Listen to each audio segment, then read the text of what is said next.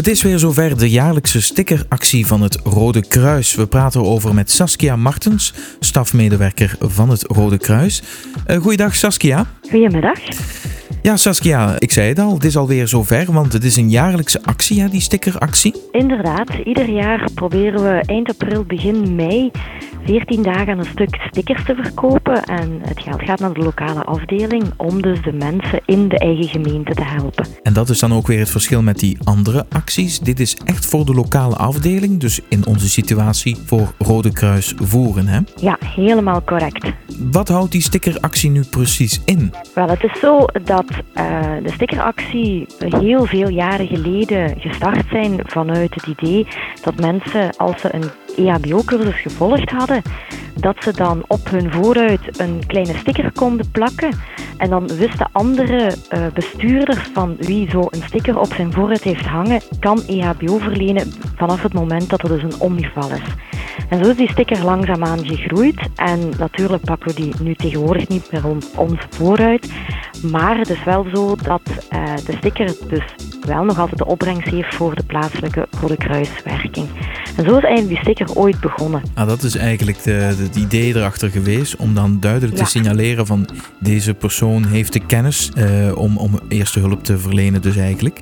Uh, die stickeractie is dus uitgegroeid tot echt een, een, inzamelingsactie. Het zijn behoorlijke stickers hè, qua formaat. Ja, ze zijn, ze zijn groot en uh, ik denk dat ze ook vooral ook zo groot zijn omdat we toch wel op de sticker op de voorkant de verschillende disciplines, de, de taken die het Rode Kruis doet, worden afgebeeld. Om die toch duidelijk te laten zien. Dus op de voorzijde ziet je aan de linkerkant in dit geval mensen die een brancard dragen. Dus mhm. binnen de hulpdiensten worden dus ook mensen vervoerd hè, die gevallen zijn bijvoorbeeld. Ja. Daarnaast uh, zie je op de sticker dat iemand met een standaard rondloopt waar dat een bloedzakje op ha uh, hangt.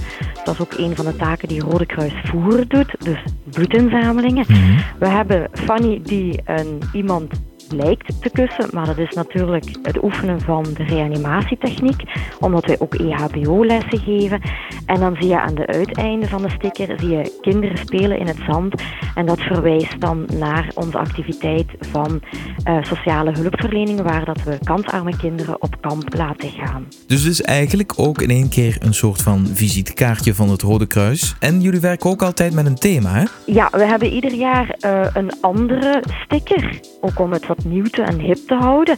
En dit jaar is het kiekeboe, omdat ook de kiekeboes op zich 40 jaar bestaan. En dan heeft de tekenaar van Kiekeboe heeft dan onze sticker ontworpen. Oké, dat is een, uh, een leuke samenwerking. Die stickeractie is altijd uh, in een bepaalde periode, hè? Ja, dat klopt. Omdat uh, op 8 mei is de geboortedatum van Henry Dunant. En dat is onze stichter, zal ik maar zeggen, van het Rode Kruis. Dat is eigenlijk de man die ooit het idee bedacht heeft van we moeten toch mensen helpen ongeacht hun kleur of afkomst of religie of uh, welke overtuiging ze ook hebben. En daarom verkopen wij de stickers dus altijd eind april, begin mei, zodat 8 mei altijd in die 14 dagen ligt. Ah, vandaar, ja. Uh, nu komen de mensen, de vrijwilligers van Rode Kruis voeren huis aan huis. De mensen kunnen dus zo'n sticker kopen. Is er nog een leuke bijkomstigheid of is het enkel die sticker? Nee, de sticker is natuurlijk uh, leuk voor ons, uh, ook om te verkopen, want de financiële middelen die dus naar Rode Kruis voeren gaan, daar hebben wij het grootste voordeel aan dat wij lokaal de mensen kunnen helpen en materiaal kunnen aankopen. Maar voor de mensen zelf heeft het als voordeel dat op de achterzijde dat daar een tombola op staat. Mm. En met die tombola, dat is een, een rood nummer wat in het midden van de sticker vermeld staat, kunnen mensen bijvoorbeeld een elektrische plooifiets winnen of een fantastische reis, deze keer naar Jamaica, of een citytrip uh, naar Barcelona, of ze kunnen een keuken van Dovi winnen. Ah, dus het is ook nog een, eigenlijk een tombola, dus een sticker gecombineerd met een tombola. Ja, net al even aangehaald, de opbrengst gaat naar Rode Kruis voeren, want hoe zit dat dan eigenlijk? Moeten die lokale afdeling zelf voor hun financiële middelen zorgen? Ja, wij zijn uh, als organisatie zelfstandig.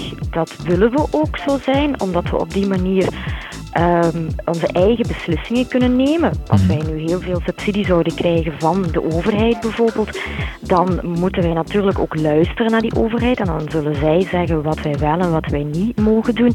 En dat willen we als Rode Kruis niet. Om die reden uh, dienen wij dus zelf in te staan voor ons eigen geld.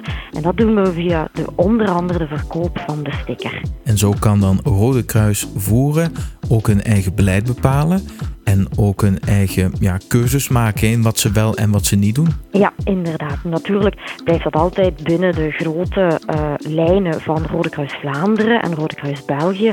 Maar Rode Kruis Voeren bepaalt inderdaad zelf waar dat zij haar activiteiten in uitbouwt en wat ze dus ja, graag doen en wat ze kunnen doen met de mensen en de middelen die ze hebben. Ja.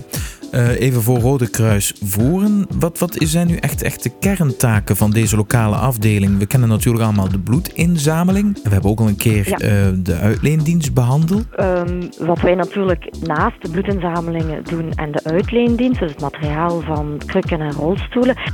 Wat wij nog doen is bijvoorbeeld EHBO-lessen geven of een cursus um, EHBO. Dus een lange cursus. Mhm. Het is nog niet zo heel lang geleden dat we in samenwerking met het OCMW een EHBO-avond gegeven hebben rond wat moet je doen bij een baby of kleine kinderen bij je thuis als die iets aan de hand hebben. Ja. Dus naast dus de het bloedinzameling, uitleendienst, hebben wij EHBO-lessen. En dan proberen we natuurlijk ook algemeen er wel te zijn voor de mensen. Maar wat heel belangrijk is, dat zijn niet alleen de financiële middelen, maar natuurlijk ook mankracht. En zoals ik heb begrepen is Rode Kruis Voeren nog altijd op zoek naar uh, vrijwilligers. Hè? Ja, want wat ik net nog niet uh, bijverteld heb, is wij willen ook binnenkort wel een jeugdrode kruis opstarten. En ook daar kunnen we natuurlijk wel nog uh, extra vrijwilligers voor gebruiken. Nu, we kunnen ook wel ook nog een nieuwe lesgever gebruiken. We zijn op zoek naar een secretaris. Het zou heel fijn zijn als we een voorzitter of een ondervoorzitter uh, kunnen vinden voor de lokale afdeling. Zodat ook echt lokaal iemand verankerd is als aanspreekpersoon. Uh, daarnaast zou het fijn zijn, er zijn heel veel mensen in Voeren die eenzaam zijn, die bijvoorbeeld oud zijn en mhm. die ook wel een bezoekje graag misschien willen hebben. Misschien kunnen we voor die mensen ook wel iets betekenen, want dat is een algemene taak, maar die binnen Rode Kruis Voeren nog niet uitgebracht is, zal ik zeggen. Ja, ja, ja. Dus eigenlijk op allerlei vlakken zijn er nog wel mensen nodig voor Rode Kruis Voeren, voor de lokale afdeling. Nu is het vaak zo dat mensen zich afvragen: heb ik dan niet een bepaalde medische opleiding daarvoor nodig? Het hangt een beetje vanaf welke taak dat je doet. Uh, mensen die bijvoorbeeld uh, de bloedinzameling, die daar helpen, of als je binnen het bestuur zetelt, of hmm. Um, ja, als jij nu zegt van ik, ik wil graag mensen gaan bezoeken die het moeilijker hebben, of we gaan samen naar een aangepaste vakantie, dan heb je geen uh, extra opleiding nodig van je eigen. Het is wel zo dat wij aangepaste infoavonden geven voor de taak eigenlijk op een goede manier en kwaliteitsvol uit te kunnen voeren. Ga je aan de andere kant zeggen van ik zou heel graag willen meedoen bij de hulpdiensten. Denk maar aan de puupjesfeesten waar dat ook altijd iedereen staat in die fluorescerende pakjes voor als mhm. iemand gevallen is om die medische zorgen toe te dienen. Dan is het natuurlijk wel logisch dat je eerst start met een EHBO-opleiding en dat je dan nog verder een gespecialiseerde opleiding volgt uh, om te weten van ja, welke materialen gebruikt het Rode Kruis, dat je die toch ook wel kwaliteitsvol kan, mensen kan helpen eigenlijk. Ja, dat is in zekere zin evident, maar worden die mhm. opleidingen ook binnen het Rode Kruis aangeboden?